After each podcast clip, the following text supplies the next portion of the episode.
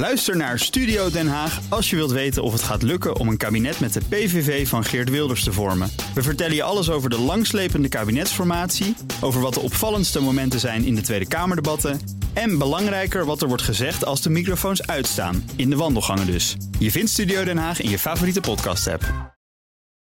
Auto-update. Gelukkig heb ik meer verstand van auto's. Joe van Buurik, goedemorgen. Hey Bas, hey Kees. Hey, BMW, Daimler en Volvo hebben extra last extra last, zeg het nou maar eens extra extra, van het microchiptekort. Ja, dat klopt. Dat heeft het FD afgelopen weekend gemeld. Uh, in BMW is er weer een productiestop aan de orde. Dat is nu in Regensburg. We hebben de fabriek eerder al in Leipzig, in Dingolfing, in Saxe en ook al in Engeland. Uh, overigens doen ze het wel beter dan aardsrivaal Daimler. Ze hebben in het tweede kwartaal 26.000 meer auto's verkocht. Bij Daimler zijn ze ook wel pessimistisch. In ieder geval over hoe het de tweede helft van het jaar moet gaan.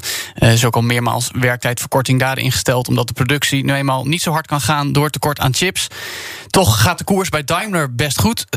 10% erbij, want ze verwachten nog voor het einde van het jaar uh, om Daimler Truck uh, los te koppelen. Die doen ontzettend goed als marktleider. En ook bij Volvo hebben ze net de hoogste halfjaarwinst gehaald, ooit. Hm.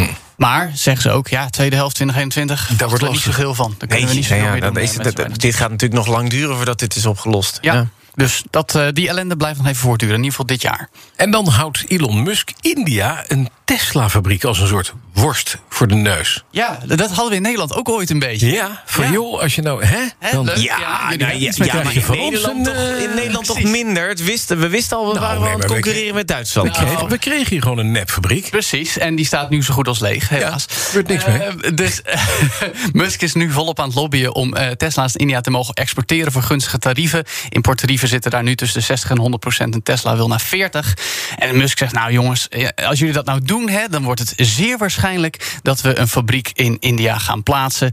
In China staat er alleen. Dat is natuurlijk min of meer op dezelfde manier gebeurd. En de Indiaanse premier Modi zegt ook, nou we willen best wel die elektrische auto-industrie bij ons subsidiëren. Maar onze laadinfrastructuur is nog niet. En de kosten.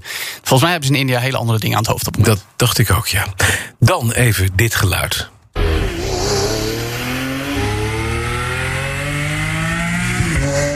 Dit geluid, Kees, is niet van een Formule 1-auto. denk heel veel mensen. Nee, joh, dat, dat, dat, ik, ik ben geen autokenner, maar ik hoor wel wanneer iets van de Formule 1 ja, is. Maar dit is het ingetogen woede eigenlijk van een Italiaanse Lamborghini. mooi weer. Ja, ingetogen woede van Lamborghini. Mooi, maar het is inderdaad zo van, als je niet uitkijkt, dan haal ik je zo ongelooflijk hard in. Ja, het is gewoon, zo klinkt het. Gewoon grijnzen met alle tanden omhoog. Ja, precies. Heel, heel Dat idee. Ja, een soort Nou ja. sneeuwleopard. Precies, eigenlijk wel. Nou, eigenlijk een stier natuurlijk. Ja, Uh, dat maar goed, waar. ook voor deze stier komt de nieuwe tijd. Uh, hybride en elektrotechniek zijn nu onvermijdelijk. Dat zegt de CEO Stefan Winkelman in een interview met Autocar.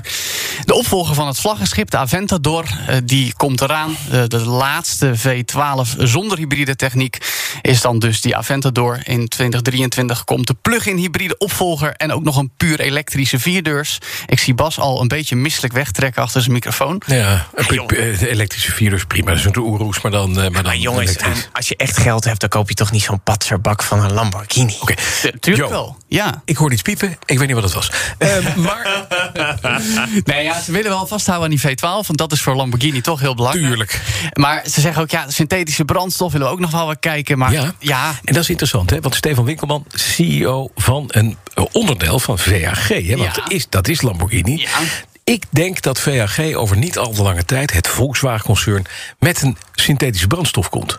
ik hoop het voor ze. En dat zou fijn zijn. Ja. Dan zou je mee kunnen vliegen. En Ja. als je dat kunt gebruiken voor vliegtuigen, is de luchtvaart gered. En ook de automobilist, met name oude auto's. Ja, ik hoop het voor je. Ondertussen roept wel elk merk van Volkswagen, we gaan elektrisch. Dus we moeten wel heel snel die synthetische Ja, maar ze riepen tien jaar geleden... we gaan niets met elektrisch doen, we gaan gewoon lekker diesel rijden. Weet je nog? Ja. Studenten aan de TU Eindhoven hebben een formuleauto gebouwd... die zichzelf bestuurt. Want ja, studenten, die, nog. Studenten kunnen dat niet. Ja, ja, het lijkt erop van wel. Dat is natuurlijk de Formule Student van de. University Racing Eindhoven. Die doen mee aan de autonome klasse. Mhm. Hun raceauto kan 115 km per uur op recht stuk... en 50 km in de bochten zichzelf besturen. Nou, er zijn Tesla's die daar minder goed in zijn. En eh, komende maand gaan ze meedoen aan de wedstrijden op het circuit van Barcelona. Overigens kan de auto ook nog steeds gewoon door een coureur bestuurd worden... door hem een beetje om te bouwen. Maar ja, toch wel weer leuk. De coureur of de auto? Nee, de, auto, ja, de sorry. auto kan, Ja, kan precies. dan dus bestuurd worden door de coureur. Mhm, nou, heel goed, ja. Ik heb dat overigens ooit mogen doen toen Ja? hij net voor het eerst elektrisch was, acht jaar geleden. Toen was het al 0 tot 100 in 2 seconden. Dat was toen spectaculair. Ja. En nu kan een computer dat dus ook. Ja. Zijn wij tot nodig. 115 En je- kilometer. Dat is ook niet snel, hè? Nou ja, uh, 0 tot 100 in 2 seconden. En dan met computer en tussen pilonnetjes en ja, tussen gebouwen. Race, en, uh... Je gaat niet naar een race kijken waar ze, waar ze trager rijden dan op de Nederlandse snelweg natuurlijk. Nee, maar het is, dit, ja, nee, maar het is autonoom. En het is heel snel ja, dat, dat, dat, is knap. Ja. Toch, je zit best knap. en van 0, 0 naar 100 in 2 seconden, dat is best, dat is best grappig, Kees. Ja. ja, maar dit is wel elektrisch, Bas. Dat vind jij niks. Dat klopt. Dankjewel, Joe van Burg. Graag gedaan. De auto-update wordt mede mogelijk gemaakt door Leaseplan. Leaseplan. What's next? Ook Bas van Werven vind je in de BNR-app. Ja, je kunt live naar mij en Iwan luisteren tijdens de ochtendspits. Je krijgt een melding van Breaking News. En niet alleen onze podcast Ochtendnieuws, maar alle BNR-podcasts vind je in de app. Download nu de gratis BNR-app en blijf scherp.